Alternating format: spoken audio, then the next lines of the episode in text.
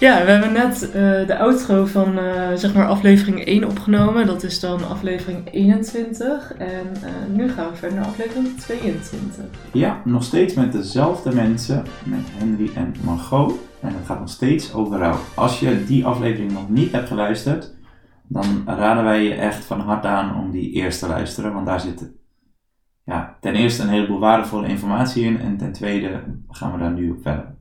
Ja, inderdaad. En uh, we beginnen de aflevering natuurlijk altijd uh, uh, ook met petje.af. af. dus ja, doneren. Ja, geld geven. Ja. Nee, dat is gekheid. we zouden het zeker op prijs stellen. We zouden het nog meer op prijs stellen als je deze podcast, de vorige of welke podcast dan ook, met minimaal één iemand zou willen delen. Je mag hem ook op je kanaal zetten natuurlijk. Dan reposten we je als je dat wilt in ieder geval. En als je ons dan wilt taggen, het Mike van Sassen, het Verpleegkundepodcast, het Thomas Groen, of allemaal, of eentje, dan zouden we dat heel erg waarderen. Welkom uh, terug bij het tweede gedeelte dan. Gaan we met de stellingen verder? Ja, de stelling is, rouwen wordt enkel bij het verlies verwerken van iemand die overleden is. Dat hebben we volgens mij dubbel in was besproken in de vorige. Ja. En gelukkig stemt maar 4% op ja. Ja. 96% op nee. Nou, dat is heel weinig, gelukkig. Ja, gelukkig. Ja. ja. En mij schoot nog een mooi verhaal te binnen. Ik zou het kort houden. Maar uh, er zijn er op dit moment veel zwanger in mijn omgeving. En soms hoop je toch hè, dat uh, het kindje wat je krijgt, dat dat bijvoorbeeld een jongen is of een meisje. En dan natuurlijk zit daar onderliggend, je hoopt altijd dat het gezond is. Maar dan als het geslacht de andere kant op gaat dan dat jij had gehoopt, zit daar soms ook wel wat rouw en verlies bij. En ik had daar toevallig met iemand over en die zei van ja, het is niet dat ik mijn kind minder leuk vind, waardeer wat nu in mijn buik zit omdat het andere geslacht is. Maar het is dat ik weg moet gooien, dat ik in de toekomst niet met uh, een meisje of een jongen uh, buiten kan spelen of dingen kan doen die ik in gedachten had. Ja. Dus, ah, ja. ja, dus die rouw kan er ook zitten. En dacht ik, oh wow. Ja. ja. En, en um, de vraag is natuurlijk ook een beetje, ik ben dan benieuwd waar dat vandaan komt. Of, hoe, hoe dat beeld zo is ontstaan. En dat is natuurlijk hartstikke mooi om met mensen over te praten. En ik vind vooral belangrijk dat het niet gek is dat je dit voelt. En dat dat dus ook uitgesproken mag worden. Ja. Want soms, uh, je zegt al, we zijn vooral blij als het gezond is. Uiteraard. Maar je mag ook best even, of misschien iets langer dan even, teleurgesteld zijn over het geslacht. Dat, daar is niks mis mee. Nee, ja. Het gesprek, er, het gesprek erover hebben, dat opent op zich al genoeg. Ja. in dit stuk over geslacht doet mij denken aan een vader die zei: Ja, ik had eigenlijk liever naar het voetbalveld gegaan, maar nu breng ik mijn twee dochters naar de ballet. Ja. En, en hij zei iets heel krachtigs uh, en hij ging er een beetje bij weg. En ik dacht: Ja, hij zegt hier iets heel wezenlijks. Dus ik zei: Wat, wat zeg je eigenlijk? Diepe zucht. En hij zei: Ja, mijn diepste verlangen was zoons in plaats van meiden. En hij zegt, dat is misschien wel heel gek. En ik heb het, hij, hij zei, ik heb het nog bijna niet hardop uitgesproken. Ja. ja. Ja, en dat is vaak, we noemen dat vaak hè, verboden zinnen. Ja. Zinnen die je wel van binnen voelt, maar waarvan je, waarvan je denkt, oh, dat kan ik eigenlijk niet maken om dat uit te spreken. Ja. En dat, hmm.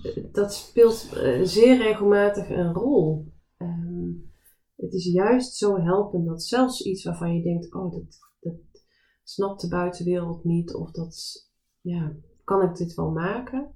Dat juist dat wel ook uitgesproken mag worden. Ja. Het is er namelijk. Dat is ook met het woordje eigenlijk. Precies. Ja. Eigenlijk ja. zou ik willen dat. Ja. ja. Ik, vond het, ik vond het, ja, het raakte mij ook uh, dat hij dat zo zei. En het raakte me vooral omdat hij erbij wegging. Bij, bij zijn verlangen van zoons. Uh, en ik zei, spreek het gewoon uit zonder gêne. Ja. uh, laat je verlangen horen. Dat is ook, ook een gemis. Ja, ja. inderdaad. Ja.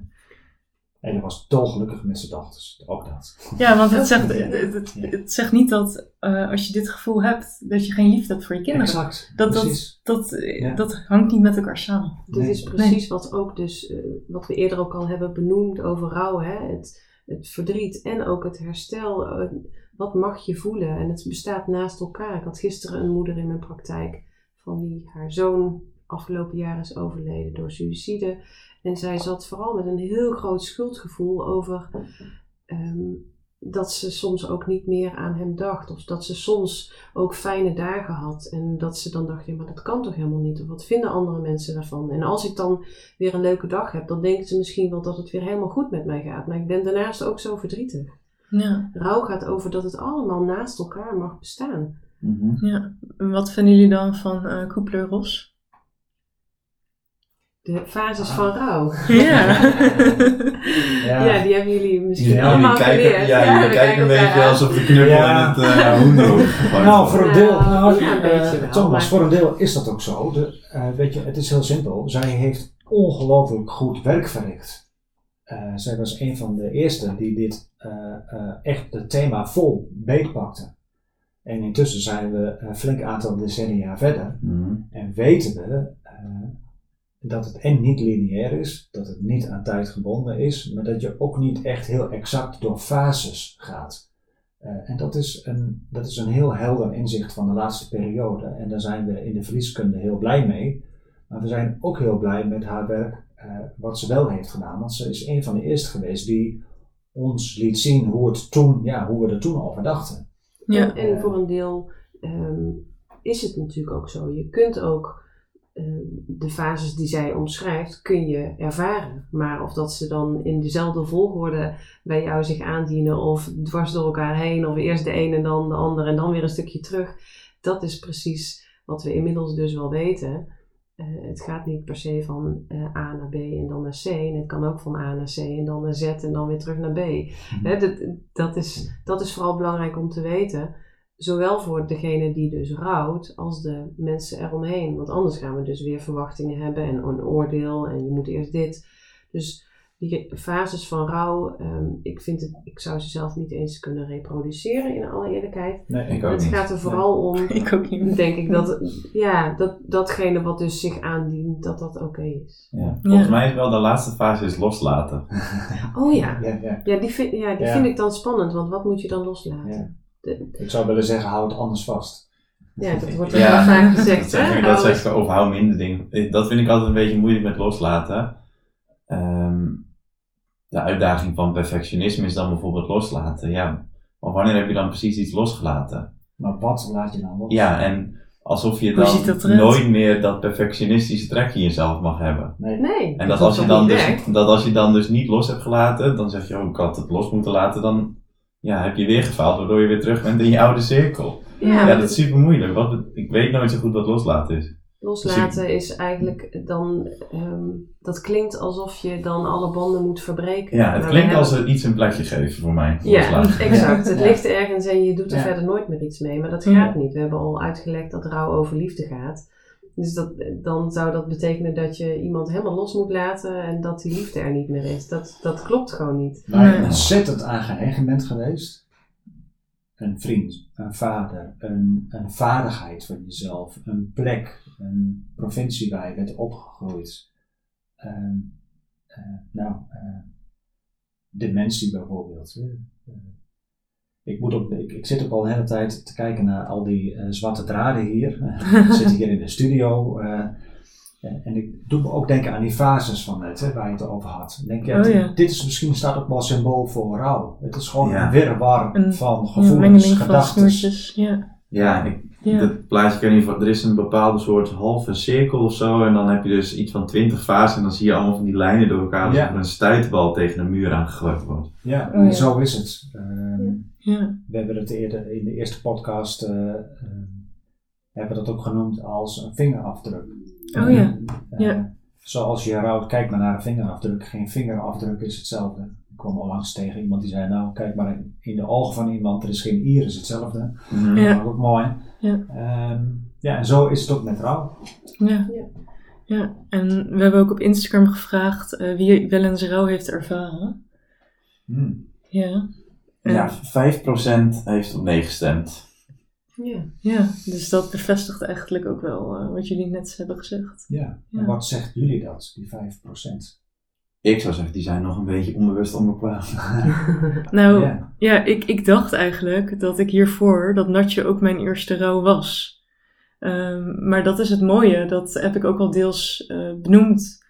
En ik, ik ga er ook nu niet te veel over uitweiden, maar uh, je maakt dingen mee in je jeugd. En dan ben je het kleine meisje of het kleine jongetje. En dan word je ouder en dan heb je door dat wat je vroeger diende, dat je dat in je volwassen tijd niet meer dient. Exact. En dat is ook rouw. Precies. Ja, daar heb je dus heel bewust afscheid van genomen. Ja. Ja. ja. En soms komt het juist weer zo omhoog. Hè? Want die moeder die ik gisteren in de praktijk had, ik ben met haar ook gaan praten over hoe was dat vroeger. Want zij is dus iemand geweest, opgegroeid eh, in een gezin waarin zij heel erg uh, ja, ook op haar hoede was en voor de ander is gaan zorgen. En nu zoveel jaren later komt dat patroon weer omhoog en heeft ze weer het idee, oh ik moet voor die ander zorgen. Dus ik Mm. moet vooral niet veel met mijn eigen rouw de ander tot last zijn. Ja. Dus wat je net benoemt is, is heel treffend. We komen juist als, als we groot verlies meemaken, of ook kleiner verlies, kom je tegen hoe je jezelf hebt aangeleerd om ermee om te gaan. Ja. En dat is ook een, een rouwproces. Het is ook een, een in de spiegel kijken. En oh, hoe heb ik dat, hoe heb ik me toen gevoeld? En wat het heeft dat met mij gedaan. En inderdaad, wat dient mij nu nog? Wil ik dat Ja. nog steeds op deze manier doen? Dus deze moeder, wil ik nog steeds eerst naar de ander kijken, eerst naar de ander, de- voor de ander zorgen en dan pas voor mezelf? Of is het nu tijd om het anders te doen? Ja. Dus vaak is zo'n moment van rouw, kan ook, zoals het bij jou eigenlijk ook gebeurt, een moment van inzicht. En nou ja, dat je daar iets moois mee kunt doen. Ja, ja. En het kan ook klein zijn eh, als je jong bent dat er een huisdier doodgaat, een verhuizing, eh, zonder dat je dat eigenlijk doorhebt. Ja. Ja, en de meest voorkomende van Instagram waren dan dat een, eh, familielid is overleden, Hm. eh, gezondheid of een baan, Eh, kindje verloren met 21 weken zwangerschap, Eh, twee weken na de bevalling een miskraam gehad. Eh, eh, scheiding. Dus eigenlijk alle dingen die we net ook al besproken hebben, die kwamen ook op Instagram Mhm. naar voren. Ja, en verder zeggen mensen, tijdens het rouwen heb ik mij zo gevoeld, of voel ik mij, nou, leegte en verdriet, alleen en hopeloos, dankbaar, leegte, gemis, alsof de wereld stilstond, boos, gefrustreerd, vier jaar na overlijden van ouders een nieuwe fase van rouw, futloos, onbegrepen, nou, en zoveel meer. Ja. ja. En, en zoveel meer. Ja, en dan eh, de volgende. En, in het rijtje, Thomas, ik onderbreek je even, in het, in het rijtje valt mij hopeloos en leegte op. Mhm. En wat mooi dat daar, dat dus iemand dit hardop heeft Ja, dat- en dat op dat heeft kunnen- geschreven. Kunnen delen. Ja. Hopeloos en leegte. Ja. Naast gewoon dat je verdrietig bent. Want hopeloos gaat nog wel een paar stappen verder. Ja, en leegte denk ik wel helemaal. Want als je je echt heel leeg voelt, dan voel je weinig. Heel intiem om dat te delen, dus dank Ja. voor, eh, voor Ja. het benoemen daarvan. Ja. Goed dat je er even bij stilstaat. Ja. Ja, en de volgende eerste was dan als ik voor patiënten en of familiezorg die rouwen, dan voel ik mij een meerwaarde in mijn vak, steunpilaar, een waardevol persoon, verlichting, machteloos van waarde, verbonden, een luisterend oor van betekenis, gedreven voor de beste zorg, verdrietig nou, en nogmaals veel meer. Ja.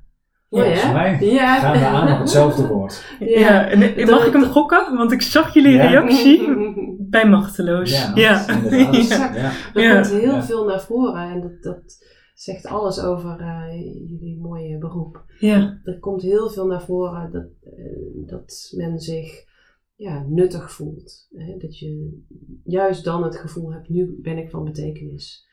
En dat je iets kunt toevoegen, dat je een steunpilaar kunt zijn. Nou, dat hoor ik allemaal. En tegelijkertijd kun je je zo ongelooflijk machteloos voelen.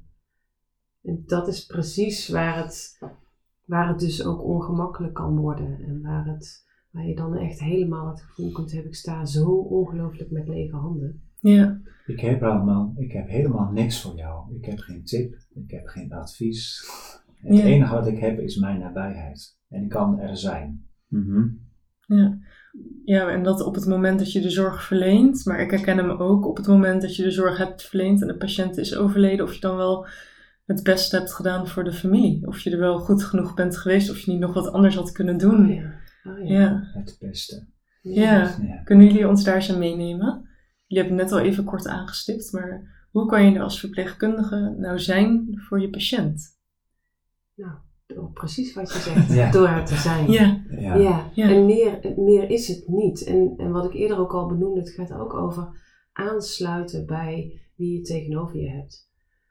Wat heeft iemand nodig? Waar heeft iemand behoefte aan? En dat kan zoiets kleins zijn, maar de nabijheid van iemand die even luistert of even een extra moment neemt. Iemand die, nou ja, een, een- foto maakt of even je hand vasthoudt. Het, het kan zoveel zijn en zo klein, maar juist daardoor zo van betekenis. ja, Je hoeft niet harder te gaan werken. Machteloosheid gaat voor, ging voor mij ook heel vaak en nog steeds vaak over je wilt iets doen, maar er is niks te doen. En om dan daarbij te blijven, dat je niks kan doen, dat is een hele grote taak, denk ik, met name ook voor verpleegkundigen. Die willen natuurlijk heel graag wat doen, Ja, we willen nuttig zijn. willen nuttig zijn. En ik denk dat ook, eh we hebben al in de laatste workshop daar ook eh, aandacht aan besteed, ook gewoon stil zijn. ja, Dus ook de stilte eh, het werk laten doen of ja, eh, zeggen dat je het niet weet. Ja. Eh, eerlijk zijn. Ja. Ik heb geen woorden. Eh, nou, je kunt beter wat zeggen dan zwijgen, zeggen we dan. ja. Ja. ja. Ja. Ik eh, had laatst, eh, was ik in eh, gesprek met een student en die zei van ja, de patiënt die had zoveel verdriet om het feit dat hij te horen kreeg dat hij niet meer te behandelen was. Ik wist gewoon niet wat ik moest doen en toen ben ik de kamer uitgelopen. Ik heb tegen de patiënt gezegd, ik, ik, ik weet het niet, ik ga even naar een collega toe. En toen ben ik samen met de collega teruggegaan naar de kamer Hm. en toen heb ik gezegd dat ik het niet wist. Hmm. Ah, ja. Hmm. En toen Ja. eigenlijk opnieuw wat, wat ik al had gezegd, maar de collega die zei, is prima om dat ook te delen. Ja, Hmm. En toen hebben ze daar samen op die kamer gestaan en uiteindelijk kwam het gesprek. ja, dus hier gebeurt nog iets wonderlijks. Deze verpleegkundige haalt iemand op, zodat ze het niet alleen hoeft te doen. Ja, het was een student, dus student, ja. ja. Ja, dan voel je natuurlijk altijd veel meer gesteund op het moment dat je met iemand bent. Ja. In Ja. nabijheid Ja. van een ander. En of ze het wel goed genoeg deed, dat was ook haar vraag. Van wat jij net zei, dat is goed genoeg, maar Ja. eh, ja, soms willen we die verplicht technische handelingen doen, hè, een boxje kunnen Ja. afstrepen om te weten dat we het goed doen. Ja. En, Ja. ik, en ik vind het ook wel mooi dat ze dus ook gewoon hulp vraagt. Ja, Exact. zeker. Ze is reikt gewoon uit. Ja. Ja. ja, echt heel knap. Heel ja. sterk. Ja. En dan dus ook even tegen iemand, tegen een patiënt kunnen zeggen: Ik kom zo terug. Ik weet het even niet en ik kom zo terug. Ja. Hoe eerlijk is dat? En kom dan eh, uiteraard terug. Want als Ja. je dat niet doet, dan laat je iemand natuurlijk heel erg achter. Ehm, maar zij had dus iets nodig omdat ze het even niet wist. Ja. En dat kun je niet alleen als leerlingverpleegkundige tegenkomen, maar denk ik ook als, eh, als volleerd eh, verpleegkundige, die Ja. jarenlang Ja. misschien al in het vak zit. Als soms- mens, gewoon Ja. denk ik. Ja. Ja, Ja. als mens, uiteraard. Ja, Ja, dat je inderdaad. denkt, oh, nu weet ik het echt even niet. Nee. Of je wordt vol geconfronteerd met je eigen geraaktheid. Nou, Ja. daar is ook niks mis mee. Nee, Er inderdaad. opent zich echt een nieuwe weg als je hulp vraagt. ja, Ja. Wat ik nog interessant vond dat je net zei, eh, en die zei dan op een gegeven moment is er machteloosheid en dan kom je je eigen leegte te, in de ogen aan te kijken eigenlijk. Mm. Tenminste, dat is wat ik onthouden heb, Mhm. of hoe ik het interpreteren. Mhm. Wat is dan die leegte? Misschien dat mensen dit horen en denken, oké, dan voel ik me machteloos, dan heb ik leegte. En dan... Wat is dan de leegte? Ja, dat is een, oeh, dat is een hele grote vraag. Ja. ja, ja. Eh, voor mij, in mijn eigen ervaring, de leegte gaat voor mij soms ook over dat ik het echt niet weet. Dat ik het niet op een rijtje krijg. Dat mijn hoofd vol zit. Dan zou je zeggen, dan is het leeg. Nee, dan is mijn hoofd soms ook wel eens vol. Mhm. Leegte gaat voor mij ook over dat ik soms ook geen goed contact heb met mijn lijf. En niet altijd goed kan voelen wat ik voel. Dan voel ik me ook heel leeg. Dan ben ik helemaal vol Mhm. eh, eh, met emoties, maar dan kan ik me soms niet eh, ja, verhouden tot mijn ja, gevoel. Leegte gaat voor mij ook over dat ik geen idee heb wat ik ga doen. Dat ik mijn dag niet kan vullen. Dat ik geen hoop heb, bijvoorbeeld. Korter of langer. Mhm. Dat is voor mij ook leeg. Eh, leegte gaat voor mij ook over dat ik niet in staat ben om te handelen. Ja. Dat ik eh, in een soort van freeze zit. Ja. Leegte gaat ook over, ik zie de telefoon liggen. Ik weet dat iemand eh, er is. En ik krijg het niet voor elkaar om hulp in te roepen. Ik krijg het niet voor elkaar om te zeggen, ik voel me zo leeg, ik weet het niet, ik voel me plomp verloren, ik voel me hopeloos, ik ben niks waard op dit moment. Mhm. Dat is voor mij ook leeg. Ja, dus leeg is in ieder geval naar binnen toe. Voor mij is leeg ook naar binnen toe, maar leeg is ook, eh, eh, onlangs was ik in het noorden van Groningen aan het Wad. en dat vind ik ook leeg. Ja, ik kom met vrienden wel eens in de, de polder, in de, in, de- in, de, in de wijsheid, vind ik ook leeg. En dat vind ik dan ineens heel prettig. Ja, dus leeg Ja. kan ook mooi zijn. En wat is voor geeft ook ruimte. Ja. En Margot, wat is voor jou dan leegte? Want nu vraag ik me af of wat ja. voor Henry leegte is, ook voor jou leegte is. Ja, ik herken voor- me daar wel heel erg in. En waar ik nu ook aan moest denken, het kan ook leeg zijn tussen jou en de ander. En soms is dat een, ehm, een leegte die oké is, omdat het gewoon even stil is en je daar gewoon samen met de leegte kunt zijn. Maar leeg eh, als in, ik, ik wil eigenlijk zo graag dat je er bent, maar ik voel je niet. Of ik, eh, ik ben je kwijt. Zijn wij nog met elkaar in verbinding? Dat kan ook ontzettend leeg zijn. Ja, Ik voel me eenzaam en nu zijn we tweezaam. Ja. ja. Ja, ja, dat doet mij terugdenken aan die COVID-periode. Ik heb me toen ook zo eenzaam gevoeld, terwijl je wel mensen om je heen had. Of met de afgelopen maanden. eh, ik had laatst afgesproken met een vriendin en zei: Ik wist niet dat dit allemaal in je hoofd omging. Ik voel me echt heel schuldig dat ik er niet voor jou ben geweest. En toen moest ze ook huilen. Ik zeg: Nee, voel het alsjeblieft niet zo, want ik heb het ook niet met jou gedeeld. Exact. En dat vind ik wel een hele, hele treffende. Dat het in, in rouw ook gaat over laat jij dus zien hoe het met je gaat. Hè? Het gaat soms ook over de ander snapt mij niet. Maar ik vraag cliënten in de praktijk dan ook, maar wat laat je ze dan zien? Ja, Want als je verwacht dat iemand jou begrijpt terwijl jij je masker op hebt, dan gaat dat niet ook, werken. blijft het ook heel ingewikkeld. Ja, inderdaad. Ja. Zouden jullie eh, misschien een, een verhaal willen delen eh, wat jullie hebben meegemaakt in de praktijk, wat ja, gewoon slaat op ja, iets wat we hebben besproken vandaag? Poeh. Ach, Eh, zoveel. Ja, er zijn zoveel. ja, Ja. nou ja. ehm, heel recent was ik in gesprek. en Dat is heel klein. Het, het, het, het komt nog dagelijks langs op dat het voor mij niet zo invoelbaar was, maar voor haar wel. Een jonge, voor mij een jonge vrouw, eh 40. En ze werd 40 en ze zegt: Dat voelt voor mij echt eh, als een verlies, Henry. Mag dat? En het was zo groot voor haar, namelijk ze zegt, ik heb de ervaring dat als ik 40 word, dat ik dan afstand neem van een jongere leeftijd. Ah, En nu ben ik 40 eh, en ik weet ook dat boven de 40 eh, zwangerschap ook wel wat ingewikkelder wordt, ah, bijvoorbeeld. ja. Dus ik voel nu ook dat ik ergens aan het einde ben van een stuk, ja, echt jonge vrouw. Nu word ik Ja. een middelbare vrouw. En ik vond het zo ontroerend hoe ze daarover sprak. En ook zo ongelooflijk eerlijk. ja. Dat ik dacht, ja, dit is voor jou, dit, dit is voor jou echt verlies. Ik kon het Ja. helemaal meevoelen met haar. ja. Ja, dat doet mij denken aan een, eh, een jonge vrouw die ik in de praktijk had en die dolgraag moeder had willen worden.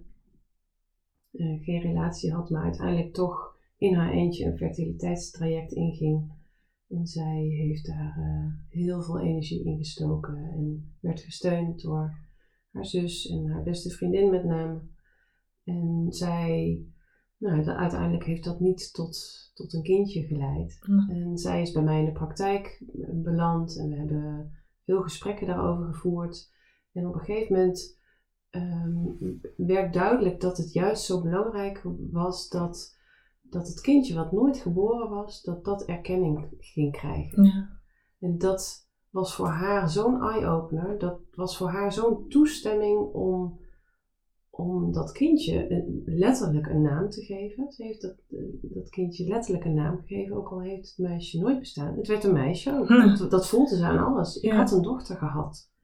En dat was ook bij uitzicht zoiets waarvan je denkt, waarvan zij dacht, ja maar eh, hè, daar vindt men iets van. het is zo ja, niet tastbaar. Hoezo kan ik daar op deze manier over rouwen?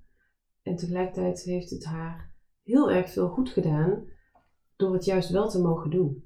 Dus Mm. iets wat niet te zien is, wel de naam en de plek te geven die het verdient. Namelijk, het wordt zo gemist. Ja, mooi verhaal. Ja, ik moet denken aan dat verhaal van jou ook, Henry, van de vorige keer met eh, de schoenen.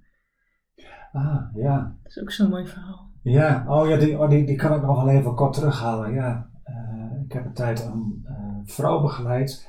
Haar partner was overleden en ze heeft, een, ze heeft nog een hele lange periode eh, zijn sloffen of sandalen, wat is sloffen waren het volgens mij, Ja, sloffen. Ja. ehm, gewoon in de woonkamer laten staan. En eh, een heleboel mensen die op bezoek waren, die zeiden, moet je dat niet opruimen? Ze zeggen nee, want ik heb hem, op deze manier heb ik hem nog bij me. Ik vond dat echt ongelooflijk mooi. Ja. Ja, want het was niet de behoefte, het was haar behoefte. Ja. Ja, ze zegt, dit, dit is van mij. ja, terwijl anderen dacht, m, zij dacht misschien dat anderen dachten, ruim die sloffen toch eens op. Ja, Toch? nou, ik was er met haar over in gesprek en ze merkte heel goed op. Ze zegt, eh anderen hadden er vooral last van. Ja, zo. Want eh, de, eh, de sloffen confronteerden de ander met de afwezigheid. Ja, Grappig hè? Dus het gaat dus zo over de, de- ook de omgeving en het, het omgekeerde had ik gisteren in mijn praktijk, namelijk een meisje eh, in groep 8 van wie de vader is overleden en de gitaar van haar vader had eerst een plek gehad eh, op de kamer van haar zus eh, en die vond het niet zo prettig, dus nu was eigenlijk het idee dat die gitaar naar haar kamer zou komen. Maar ze was ook een beetje bang dat zij het niet zo prettig zou vinden. En ze, ze, ze zat een beetje ermee in haar maag van ja, maar als ik het nou ook niet fijn vind, kunnen we het dan maken om die gitaar op zolder te leggen? Oh, Dus ja. hè, dat, dat is dan weer bijna, mag ik, mag ik ook iets opruimen of een andere plek geven zodat het niet Ja. meer in het zicht ligt? Oh, ja. Niets is dus verkeerd, hè? Nee. Dat is precies waar Ja. het over gaat. Ja, er Ja. ligt hier op eh, zolder een kleedje waar Nacho in heeft gelegen toen hij is Ah. overleden. En die Ja. heb ik nog steeds niet gewassen. Ja. Gewoon dat ik dat even kan sniffen als ik dat wil. De geur zit er niet meer aan, want ik heb laatst eraan geroken, maar Hmm. ik kon het gewoon nog niet wassen. Ja. Nee. Ja, dat doet mij. Ik lees. Kennen jullie het boek Het Drama van het Begaafde Kind? Nee. Ik dit eens kort zeggen?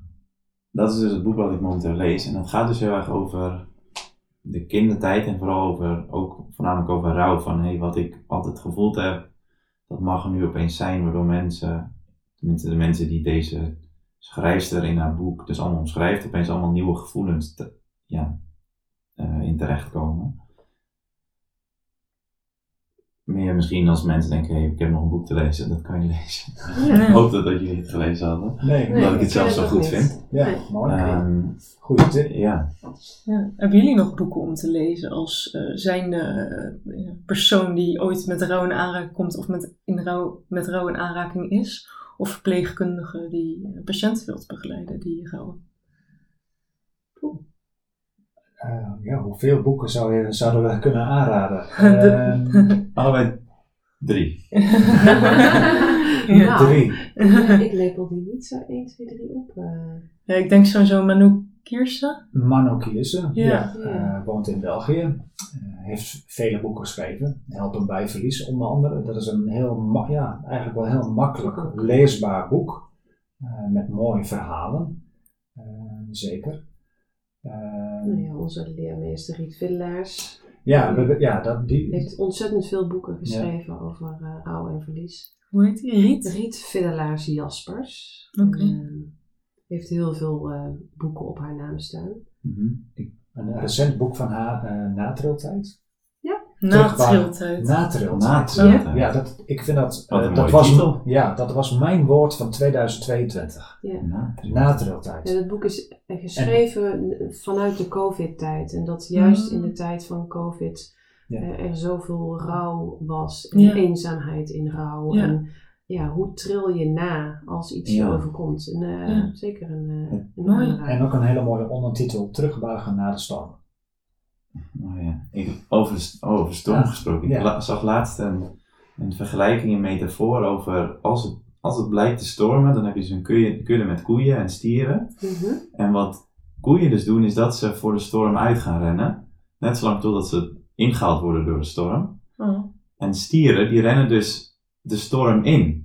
Ja, ja. Ja, Oh. dat vond ik een hele leuke, interessant. ja, een heel leuk verhaal om te horen. Ik praat in, de- in mijn praktijk vaak, eh, vooral met kinderen, over eh, dat de rouw, eh, het zijn golven. Hè? Dus soms kabbelt het een beetje rustig en dan opeens komt er een golf van verdriet of eh, nou, wat voor golf ook. En nou, wat kun je doen? Hè? Je kunt tegen die golf proberen in te zwemmen. Dat kost je en heel veel energie en nou, eigenlijk lukt het je ook gewoon niet. Nou, hoe, hoe ga je dan toch leren om een beetje mee te Mhm. zwemmen of mee te dobberen? Of Ja. ja, gewoon maar te vertrouwen op het feit dat die golf ook weer ergens eindigt. Ja, ja mooi. Ehm, ja, voordat we afsluiten dacht ik misschien is het ook nog wel een mooi idee om ja, onze rouw die we hebben meegemaakt in het werkveld te vertellen. Ja. We hebben natuurlijk een heleboel verhalen, en ik ook. Ja, Ik werkte met patiënten, uiteraard in het ziekenhuis, die een niertransplantatie hadden ondergaan. ja, Of die moesten ze nog ondergaan. En soms kregen ze een niertransplantatie. Soms deed hij dat dan. Of tenminste, die nier die ging dan meteen doen. Dus dan ha- hadden ze bij wijze van spreken een nieuw leven. Ze hoefden niet meer te dialyseren. ja, Nou, er zal ook echt wel rouw bij gehoord hebben, denk ik. Maar wat mij altijd het meest is bijgebleven, is dat een nier het niet deed. En je hebt dan het verschil tussen nou, een nier krijgen van een levende persoon, maar ook van een overleden persoon. ja, Nou, die, de kans dat een nier van een overleden persoon het niet doet, die is wat groter. Wat ik altijd zelf heftig vond en wat, ja, dat had echt met mij te maken, was dat ik heb wel eens een keer een patiënt gehad die had een nier van zijn vrouw gekregen. En die nier die werd dus afgestoten en die was er in tien dagen was die nier er alweer uit. Oh, maar die vrouw die leefde nog. Ja, ja zeker. Ehm, dus dat, ja, dat was dan een levende transplantatie. Ja, ik vond het bijzonder lullig dat, ja, dat het dus eigenlijk, tenminste dat hoe, hoe ik het zag, dat het voor niets was geweest. Ja, Zij een nier kwijt, hij geen nieuwe nier. ja. Ja, en hij moest op zoek naar een nieuwe donor. En hoe zag je die rouw dan bij hem? Ja, heel veel onmacht, heel veel verdriet, boosheid ook, onbegrip. Ja, dat was er allemaal. En uiteindelijk is hij nog een keer teruggekomen met een. Dus had hij een nieuwe donor gevonden. Er moest er een bepaalde tijd overheen gaan en toen heeft, is het wel gelukt. Dus toen heeft hij alsnog, ja, fijn voor hem, een nieuw leven gekregen. Ja, dat zijn wel veel verhalen die, eh, die me bijblijven. Ja, naast natuurlijk alle verhalen van, eh, van sterfte die ik veel, veel, ook wel veel heb gezien. Ook in Mhm. tijden van COVID. Mhm. Ja, jij? Ehm, ja, ik heb natuurlijk gewerkt op de hoofd-halsafdeling waarbij patiënten echt eh, eigenlijk wel werden verminkt in hun gezicht.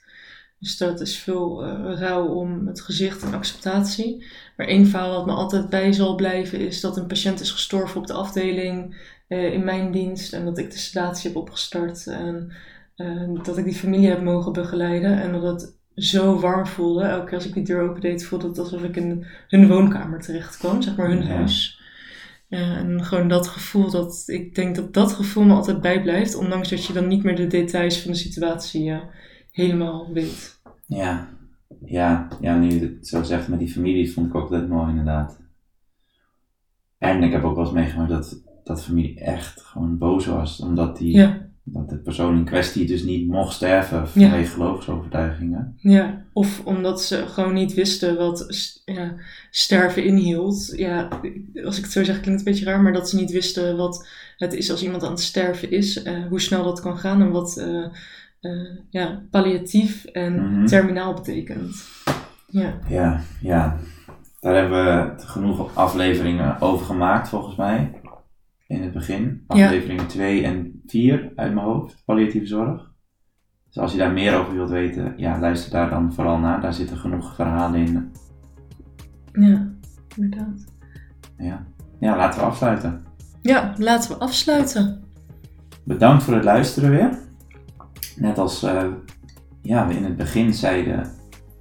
Als je ons wilt helpen, dan kan het op twee manieren. Dan kan je gaan naar www.petjeaf.com slash de verpleegkundepodcast.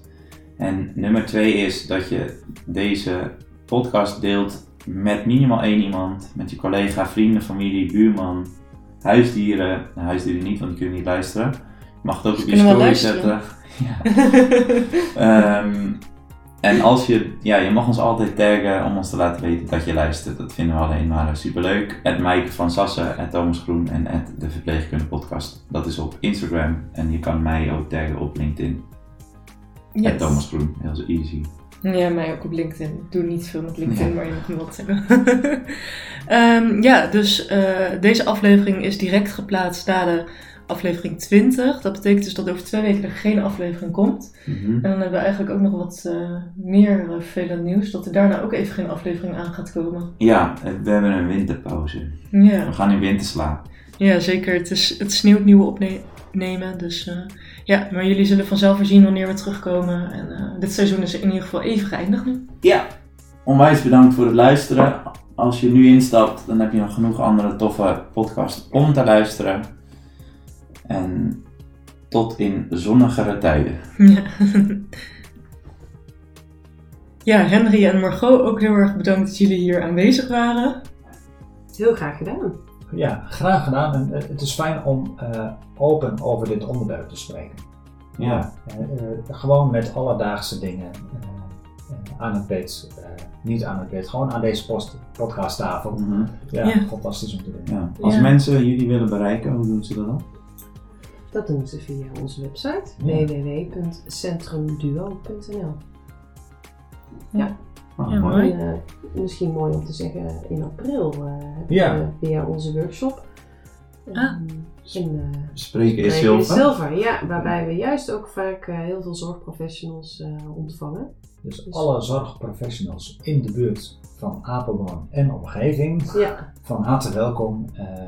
Je leest daar binnen een week meer over op onze website. Het is nog niet okay. verwerkt, maar dat komt eraan. Waarschijnlijk wanneer deze podcast online gaat, staat dat op de website. Dat denk ik. Ah, ja. Ja. ja. Als, jullie, ah, als jullie nu naar de website gaan, www.centrumduo.nl, dan vind je op uh, een van de pagina's alle informatie over de workshop. Dus spreken in zilver en die komt eraan in april. Ja, en daarnaast geven we heel veel trainingen, ook in company, door het hele land. Dus nou, mocht je het fijn vinden om voor je eigen organisatie dit thema is wat nadrukkelijker aanwezig te laten zijn, dan komen we graag naar je toe.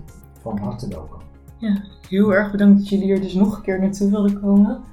En uh, ja, weer een heel waardevol gesprek. Ja, een fijne sneeuwreis terug. Ja, inderdaad. Ja, ja, ja, ja. ja. Nu, ik ben benieuwd wat we gaan aantreffen. Ja, uh, nou ik hoorde net al verschuiven op het dak hier, dus uh, ja. ja. Succes. Ja. Dankjewel.